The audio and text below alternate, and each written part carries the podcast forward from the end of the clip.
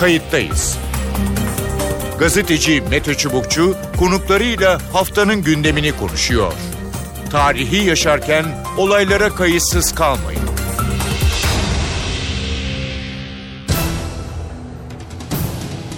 İyi günler bir kayıttayız programıyla daha karşınızdayız. Tarihe ışık tutmak ve olan biteni anlamak için önümüzdeki yarım saat sizlerle birlikte olacağız.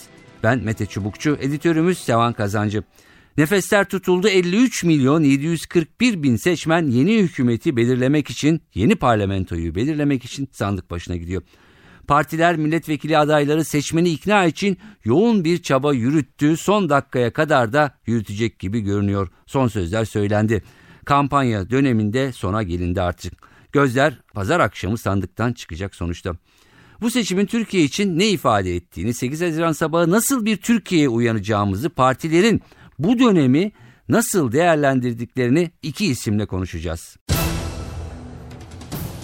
Profesör Ahmet İnsel'le e, seçim dönemini e, nasıl geçtiğini 7 Haziran'ı ve 8 Haziran'da nasıl bir Türkiye'ye e, uyanacağımızı konuşacağız. E, Kayıttayız programına hoş geldiniz Ahmet İnsel. Merhaba, günaydın. E, teşekkürler. E, evet, nasıl bir kampanya dönemi geçti diyelim artık. Çünkü artık son e, gün, günde ya da günlerdeyiz neredeyse. Nasıl bir kampanya dönemi geçti ne dersiniz? Ee, Tayyip Erdoğan'ın e, aşırı e, kişiselleştirdiği ve ilk defa bir Cumhurbaşkanı'nın Kenan Evren'den beri e, ilk defa diyorum. 1983 seçimlerinde Kenan Evren de benzer bir angajmana girmişti seçim kampanyasında. İlk defa Cumhurbaşkanı'nın, Türkiye'de bir Cumhurbaşkanı'nın çok farklı e, 1960'lardan beri aktif biçimde ve açık biçimde bir parti desteklemekle yetinmeyip muhalefet partilerinin liderlerini eleştirdiği bir kampanya yaşadık. Hı hı. Bunun yarattığı hasarın e, telafisi çok zor olacak tabii Türkiye'deki Türkiye e, kurumsal yapısı açısından. Peki partiler açısından değerlendirecek olursak e, özellikle dört partiyi nasıl e, değerlendirdiler? E, ne dersiniz? E, bir iddia bir iddia Adalet ve Kalkınma Partisi'nin Davutoğlu yönetiminde seçim kampanyasında çok ciddi bir kan kaybı yaşadığı, seçmen kaybı yaşadığı ve Tayyip Erdoğan'ın bunu durdurmak için e, var gücüyle e, hamle yaptığı yönünde. Hı hı. Bu bazı seçmenler açısından yani e, AKP'li seçmenler açısından Tayyip Erdoğan seçmenleri açısından diyelim AKP'yi de bırakalım oy, oyunu Tayyip Erdoğan'a verenler açısından doğru olabilir. Hı hı. Diğer taraftan e, Tayyip Erdoğan'ın bu şekilde aşırı yani Cumhurbaşkanlığı konumunu bir parti başkanı konumuna indirgemesi e, ne olan tepki de zannediyorum e, örneğin oyunu e, CHP'ye vermek, e, oyunu AKP'ye kısmen vermek durumunda olan ama e, burada biraz kararsızlık yaşayan seçmeni ya MHP'ye ya e, HDP'ye vermesini teşvik etti. Yani belki AKP'nin oyunun azalmasını e, durdurdu. Fakat diğer taraftan onun esas en büyük e, rakibi olan HDP ve barajı geçen bir HDP'nin barajı geçme şansını da zannediyorum arttırdı. Hı hı. CHP açısından e, değerlendirirseniz nasıl bir kampanya dönemi geçirdi? CHP aslında e, bu e, geçtiğimiz yıl e, içinde kendi içindeki e, ulusalcı, katı ulusalcı, ırkçılığa varan boyutlarda ulusalcı olan e, kesimleri e, bir kısmının ayrılması, bir kısmının etkisiz kalmasıyla aslında sırtından büyük bir yük atarak bu seçimlere girdi. Dikkat ederseniz o ulusalcı bir CHP e, söylemi hemen hemen hiçbir CHP adayından Hı-hı. duymadık veya en azından ulusal seviyede duymadık. Belki yerel olarak ifade etmişlerdir. Hı-hı. Ama diğer taraftan CHP bu sefer seçimlerde AKP'ye yönelik bir şahsileştirilmiş bir negatif kampanya yapmak yerine Türkiye toplumunun yoksul, orta sınıf veya yoksul kesimlerinin e, refah beklentilerini veyahut en azından e, Cumhuriyet e, Adalet ve Kalkınma Partisi'nin 2000'lerde onlara vaat ettiği, kısmen karşıladığı refah beklentilerine yönelik e, politikaları ön plana çıkardı. Hı hı. E, Burada Cumhuriyet Halk Partisi'nin tabii bir handikapı var. İçinde bazı milletvekilleri Sezgin Tanrıkulu başta olmak üzere bu konuda büyük çaba, takdire şayan bir çaba göstermelerine rağmen Cumhuriyet Halk Partisi'nin içinde hala Kürt sorununda çok tutuk, şüpheci, e, Kürtlere yönelik bir tür e, etnik kuşku taşıyan diyelim daha fazlasını söylememek için söylüyorum bunu. Evet. Etnik kuşku taşıyan bir refleks de var. Ve bu tabi Cumhuriyet Halk Partisi'ni e, örneğin Doğu ve Güneydoğu'da hala e, yok e, konumuna getiriyor. Ve bu tabii ki e, Cumhuriyet Halk Partisi'ni daha dar bir alana sıkıştırıyor. E, ve e, Cumhuriyet Halk Partisi belki önümüzdeki yalnız şunu söyleyebilirim. Cumhuriyet Halk Partisi bu seçim kampanyasında alacağı oyları çok anlamlı biçimde arttırmasa bile e, bu seçim kampanyasında zannediyorum 2019 e, seçimlerinin altyapısını oluşturdu ki bence makul olanı da budur. Bir partide Çünkü öyle- partide bir hareketlilik vardı. Bir ön seçim işte bildirge Mesela. ve şeylerde. Evet Mesela, yani bir, evet, yani bu bir 2019 hazırlığıdır ve makul olan budur. Yani bu şeyi kaybetmesi lazım partilerin. Ben bir küçük e, trük buldum, bir oyun buldum, bir e, bir e, reklam oyunu buldum ve seçimi kazanacağım. Hayır, seçimler uzun hazırlıklar, insanları ikna etmek, kalıcı biçimde aidiyet sağlamakla e, kazanılır ve a- a- Cumhuriyet Halk Partisi bu yolda devam eder. Evet. Yani ön seçimleri artık e, kurumsallaştıran, ön seçimlerden hareketle delege sistemini e, gene tabana yayan, belki ön seçimlerde e, ön seçimin bundan sonra parti içinde çok önemli bir fonksiyonu olacağını görürse Cumhuriyet Halk Partisi sempatizanların bir kısmı da parti üyesi olacaklardır. Evet. Dolayısıyla daha geniş tabana sahip bir parti olmayı da teşvik eden ve e, çoğu seçim bölgesinde söylenen bir şey var. Ön seçimler Cumhuriyet Halk Partisi'nin seçim çalışmalarına getirilmiş olan en büyük şevk ve enerji oldu diyorlar. Çünkü bu sefer e, yerel teşkilatlar kendilerinin seçtikleri adayları sahip çıkmak üzere mücadele ediyorlar. Peki. Ee, biraz da hızlı gidelim. Ee, MHP'de de bir hareketlilik olduğu söylen, söylendi, söyleniyor. Ee, bir takım kaymalarda olabileceği. Ee, MHP için neler söyleyeceksiniz bu dönemde? Daha doğrusu MHP çok açık. MHP'lilerin söylediği çok doğru bir şey var. Biz Türkiye'de hem AKP'lilerin hem CHP'lilerin ikinci partisiyiz. Bu hem bir güç hem de bir zaaf olduğunu söylüyorlar ki doğru. Kürt sorununda Tayyip Erdoğan'ı eleştiren daha Türk milliyetçisi bir pozisyondan hareket ediyorlar. Ve bu da AKP'nin tabanındaki bir kısım e, milliyetçi e, duyguları, eğilimleri yüksek seçmeni onlara yöneltiyor elbette. E, e, MHP e, bir Türk Milliyetçi Partisi olma e, konumunda e, hızla yeniden kendini konsolide ediyor. Peki e, HDP'ye e, geldik. geldik. Evet. e, HDP kilit parti oldu. Evet. Ha. HDP kilit parti oldu. Bu hakikaten çok beklenmedik bir şey Türk siyasal hareketinde. Ee, e, bundan 10 sene öncesine kadar lanetli adının bile telaffuz edilmesi mümkün olmayan bir siyasal hareket. e, e, kurul e, Türk siyasal hareketinin geleneksel partileri tarafından e, şimdi bizden kilit parti haline geldi ve herkes AKP'nin alacağı oy oranından ziyade HDP'nin barajı geçip geçmeyeceğini e, kitlenmiş durumda ki zaten doğrusu da bu çünkü HDP bu %10 barajının nasıl aslında Türk siyasal e, yaşamına çarpıklık getirdiğini somut olarak ispat etti seçimlere parti olarak girerek. Evet. 100-200 bin seçmenin HDP'ye oy vermesi veya CHP'ye oy vermesi AKP'ye 50 milletvekili daha fazla getirebilir veya getirmeyebilir. Bu artık bir tür milli piyangoda e, bilet seçmeye e, benzeyen bir durumla karşı karşıyayız. Rasyonel bir durum değil bu. E, bir siyasi sistemin kendisini üretmesi açısından. Yani şunu mu HDP şunu, şu- şunu mu diyorsunuz? Yani 7 Haziran akşamı ya da günü 200 bin oy e, eksik bir yere artı bir yere çıktığı zaman e, 50 ya da 60 milletvekili HDP'ye ya da eksik çıkarsa AKP Adalet ve Kalkınma Partisi'ne mi gidecek? En, en aşağı 50 tanesi AKP'ye girecekleri. Çünkü Doğu ve Güneydoğu'da AKP ile HDP yarışıyorlar. E, HDP'nin alacağı milletvekilleri çoğunlukla Doğu'da ve orada MHP ve CHP çok az oy aldığı için HDP elimine olursa silinirse HDP'nin alamadığı milletvekillerine AKP el koyacak. Evet. E, dolayısıyla da e, 50 civarında olduğunu tahmin ediyorum bu milletvekili sayısının. Yani AKP %40'la gene 300-310 milletvekiline sahip olabilir. Baraj aşamazsa eğer diyorsunuz. Baraj aşamazsa HDP. Bu, o yüzden HDP seçmeni çok kritik bir seçmen. Ee, diğer taraftan HDP sadece %10 barajı nedeniyle değil, Türkiye'deki siyasal söyleme yepyeni bir e, soluk getirdi.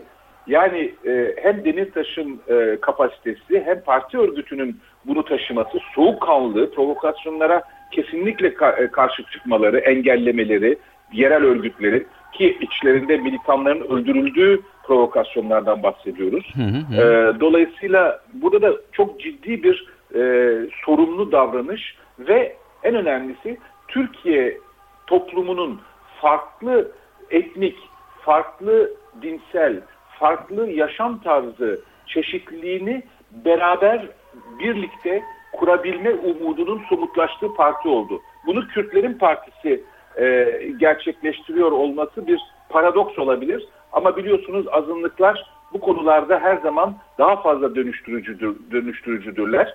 Ve e, %10 barajını geçmiş olan bir HDP'nin e, sadece AKP'yi frenleme, AKP'nin e, ve Erdoğan'ın tahakkümcü pozisyonunu e, frenlemiş olan parti meşruiyetiyle güçlenerek Türkiye toplumunun HDP'ye temkinli veya mesafeli bakan bir dizi seçmeni nezdinde bir meşruiyet kazanacağı ve belki de Türkiye'de bu e, e, bir üçüncü yolun demokratik çoğulculuk, çoğul, e, demokratik çoğulluk temelli bir üçüncü yolun e, nüvesini teşkil edebileceğini umudunu taşıyorum hı. Peki çok kısa olarak vaktimizi e, tamamladık. 8 Haziran sabahı nasıl bir Türkiye bizi bekliyor diyelim.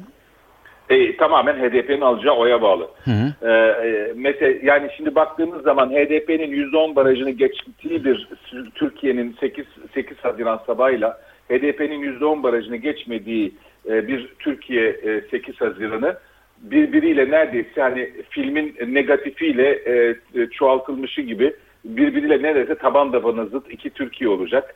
O yüzden e, iki Türkiye bizi bekliyor diyerek Peki. bitirebiliriz. Peki çok teşekkür ediyorum Ahmet İnsel. Ee, inşallah e, 8 Haziran sabahı e, Türkiye için, Türkiye Ben dem- demokrasi için evet. evet Buyurun. En azından HDP'nin barajı geçmiş ve Türkiye'nin bir demokratik e, sükunete, demokratik dengeye kavuşmuş bir Türkiye ile e, 8 Haziran sabahı uyanım, uyanmamızı e, temenni ediyorum. Hepimizin huzuru, hepimizin e, e, huzuru ve aynı zamanda Türkiye demokrasisinin geleceği açısından. Çok teşekkür ediyorum kayıttayız İyi programına katıldığınız için.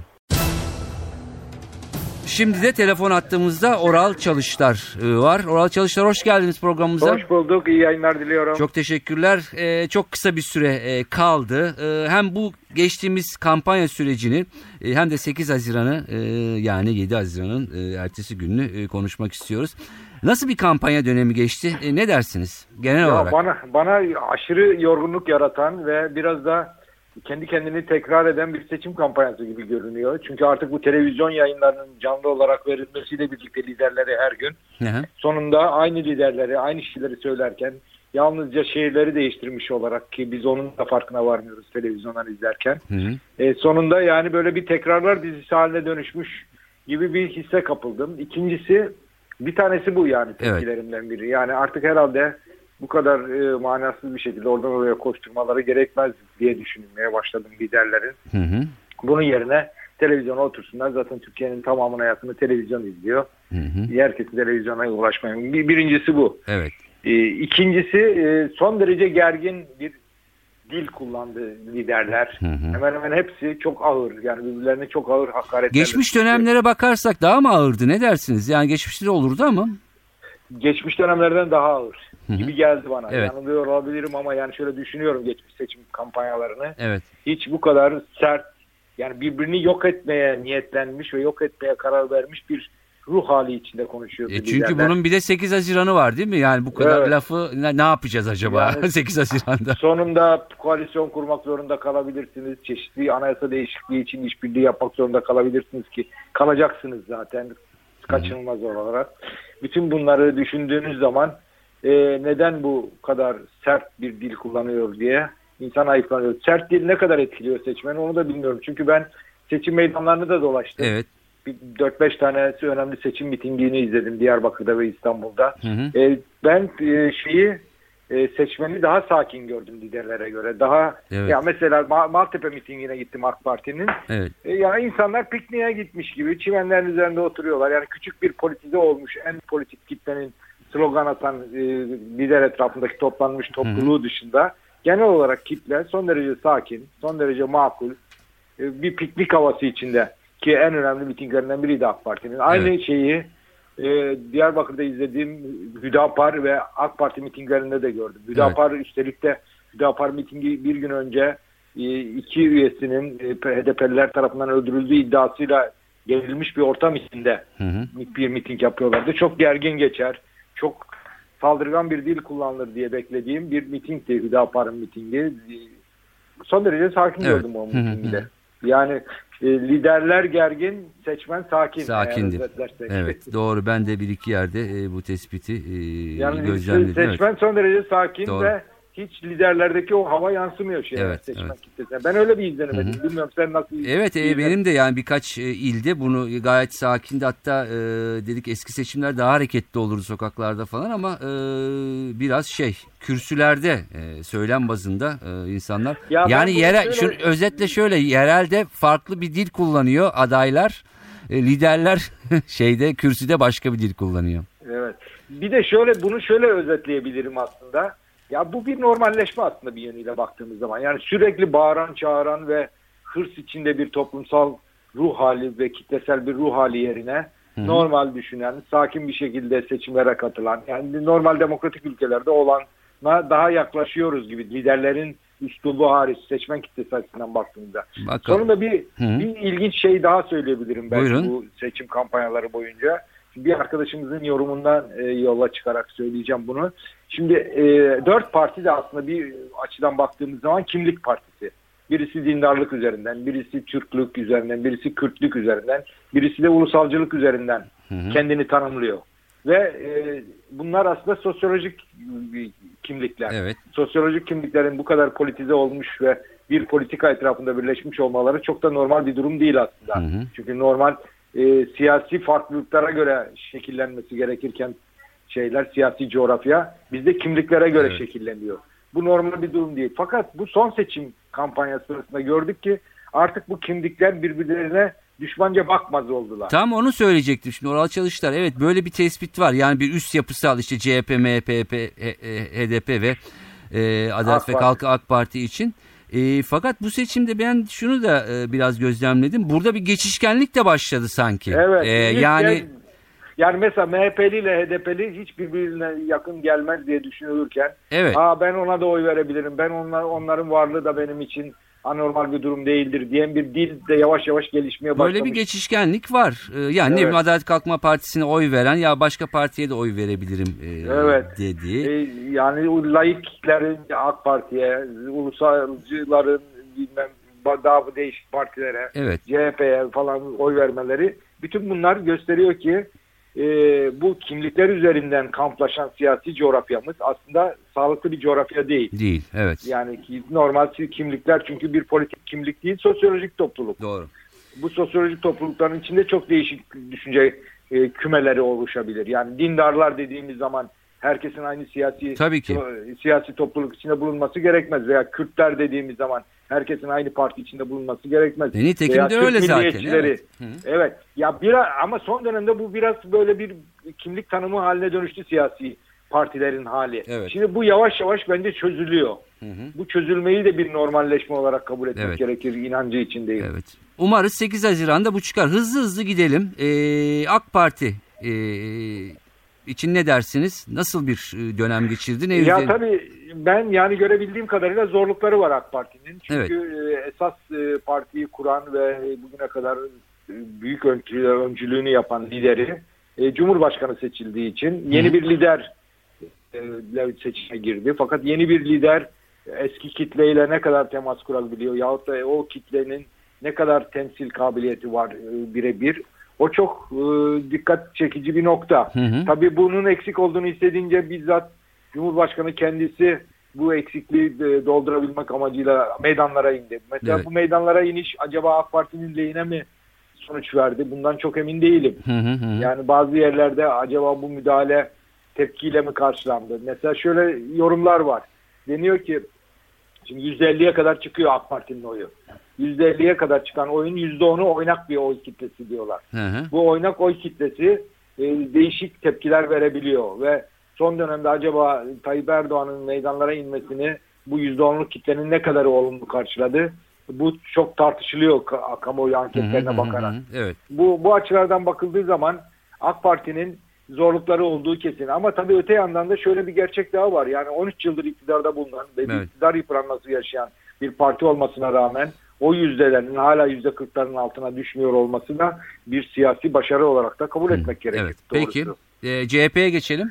CHP bence iyi bir başlangıç yaptı seçimlere. Ön seçim yaptı. Ön seçim yaparak e, parti içinde ki artık betonlaşmış diye düşündüğümüz e, bir belli bir kesimi seçmen kitlesi kendi tabanı partinin tabanı tasfiye etti. Bu bence bir dinamizm kattı. İki seçim kampanyası boyunca e, işte laiklik vurgusuyla sınırlı Türkiye elden gidiyor korkusu üzerine sınırlı bir seçim kampanyası yürütmek yerine daha çok toplumun temel ihtiyaçlarından hareket eden bir evet. seçim kampanyası yürütüldü. Bence bunları başarı hanesine yazmak gerekiyor diye düşünüyorum. Hı hı.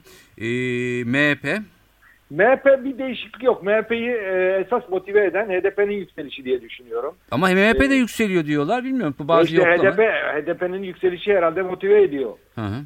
MHP'li kitleyi de. Yani bir Kürt kimliği kitlesi karşısına doğru gelince o da Türk kimliği üzerinden kendini tanımlamaya çalışan bir yeni seçmen refleksi oluşturuyor diye düşünebiliriz. Ama şöyle bir şey tuhaflık yok mu? HDP'de diyor biz Türkiye Partisi oluyoruz diyor. Böyle bir şey tuhaf. Şimdi tabii HDP bir yandan Türkiye Partisi oluyor doğru bu ama bir yandan da bir Kürt Partisi imajı nedeniyle Türk milliyetçiliğini bir yerde refleksif bir şekilde tepkiye de yol açıyor olabilir. Hı hı. Seçmen evet. kitlesinden. Ee, Göreceğiz bunu seçimlerde tabii. E, peki çok kısa MHP sadece bunun üzerinden mi yürüdü yoksa hani onların kampanyaları işte ekonomik konulara ya onlar da ekonomik adaylar... şeyler. Yani bütün partiler aslında bu seçim kampanyası sırasında AK Parti, CHP, MHP hatta HDP hı hı. ile e, ekonomik ihtiyaçlar, sağlık ihtiyaçları, toplumun temel ihtiyaçları üzerinden e, bir seçim kampanyası yürütüldü. Bu seçim kampanyasının da artık Türkiye'nin normalleşmeye doğru gittiğine bir başka işareti olduğunu da söyleyebiliriz. Anladım. Peki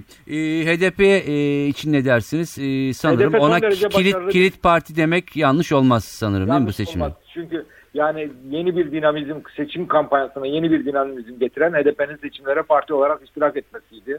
Gerçekten de e, bütün e, Türkiye'nin her yanında dört bir yanında HDP olsun mu olmasın mı nedir ne değildir tartışması yapıldı. İki genç ve dinamik bir lider, evet. e, mizah kabiliyeti yüksek, espri kabiliyeti yüksek bir liderle seçime giderek önemli bir avantaj sağladılar.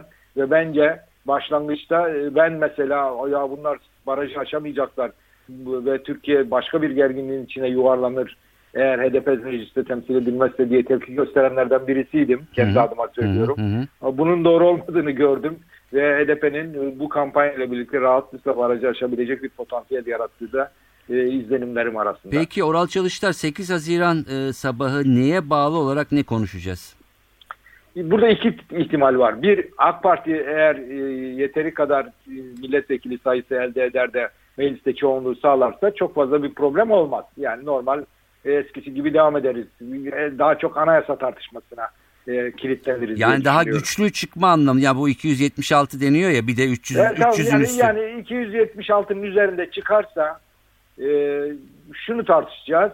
Yani Türkiye'nin iktidarını tartışmayacağız. Daha çok anayasa, başkanlık sistemi falan gibi tartışmalar ön plana çıkacak. Eğer aşamazsa o zaman Türkiye yeni bir koalisyon arayışı, yeni bir belki yeni bir erken seçime zorlanma arayışı içine yeniden girebilir evet. diye düşünüyorum. Bu da bu e, barajın aşıl, aşılmayacağıyla e, bağlantılı mı? Ama baraj benim gördüğüm baraj açılıyor. Yani Peki. orada bir şey çıkmayacak. Daha çok barajın açıldığı koşullara göre koşullara tahlil yapmak. Şöyle gözüküyor yani o zaman AK Parti tek başına çoğunluk elde edecek mi etmeyecek mi? Şimdiye kadarki bütün e, şeyler simülasyonlar barajı aşıp e, tek başına iktidar olabilecek gibi gösteriyor anketler hmm. ama tabii bütün bunların hepsini e, sonunda son derece oynak bir seçim atmosferi içinde 8 7 Haziran akşamı göreceğiz. Peki. Önemli bir seçim. Hani e, evet. e, klişe tabirdir, tarihi derler ama bu, bu sefer hakikaten bir de e, belirsizlikleriyle önemli. Evet. Yani ne olacağı her netice başka bir sonuç yaratacak. Umarım Onun için önemli. Hayırlı olur inşallah diyelim. Çok inşallah. teşekkür ediyorum Rica programımıza ediyorum. katıldığınız için. İyi yayınlar diliyorum. Evet bu haftalıkta bu kadar. Belki de önümüzdeki haftaki programda yeni bir parlamento, yeni bir e, hükümet, yeni isimler bunları konuşabiliriz. Baraj aşılacak mı, aşılmayacak mı? Barajın aşıldığı Türkiye ile barajın aşılmadığı Türkiye'deki parlamento daha farklı olacak gibi e, görünüyor. En azından e, konuklarımız da bunun altını çiziyor ama sonuç olarak Türkiye ve Türkiye demokrasisi açısından hayırlı olmasını diliyoruz ve seçmenlerin de gerçekten bunu göz önüne alarak oylarını kullanmasını ve muhakkak kullanmasını diliyoruz. Ben Mete Çubukçu, editörümüz Sevan Kazancı. Kayıttayız'dan bu haftalık bu kadar. Hoşçakalın. Kayıttayız. Gazeteci Mete Çubukçu konuklarıyla haftanın gündemini konuşuyor. Tarihi yaşarken olaylara kayıtsız kalmayın.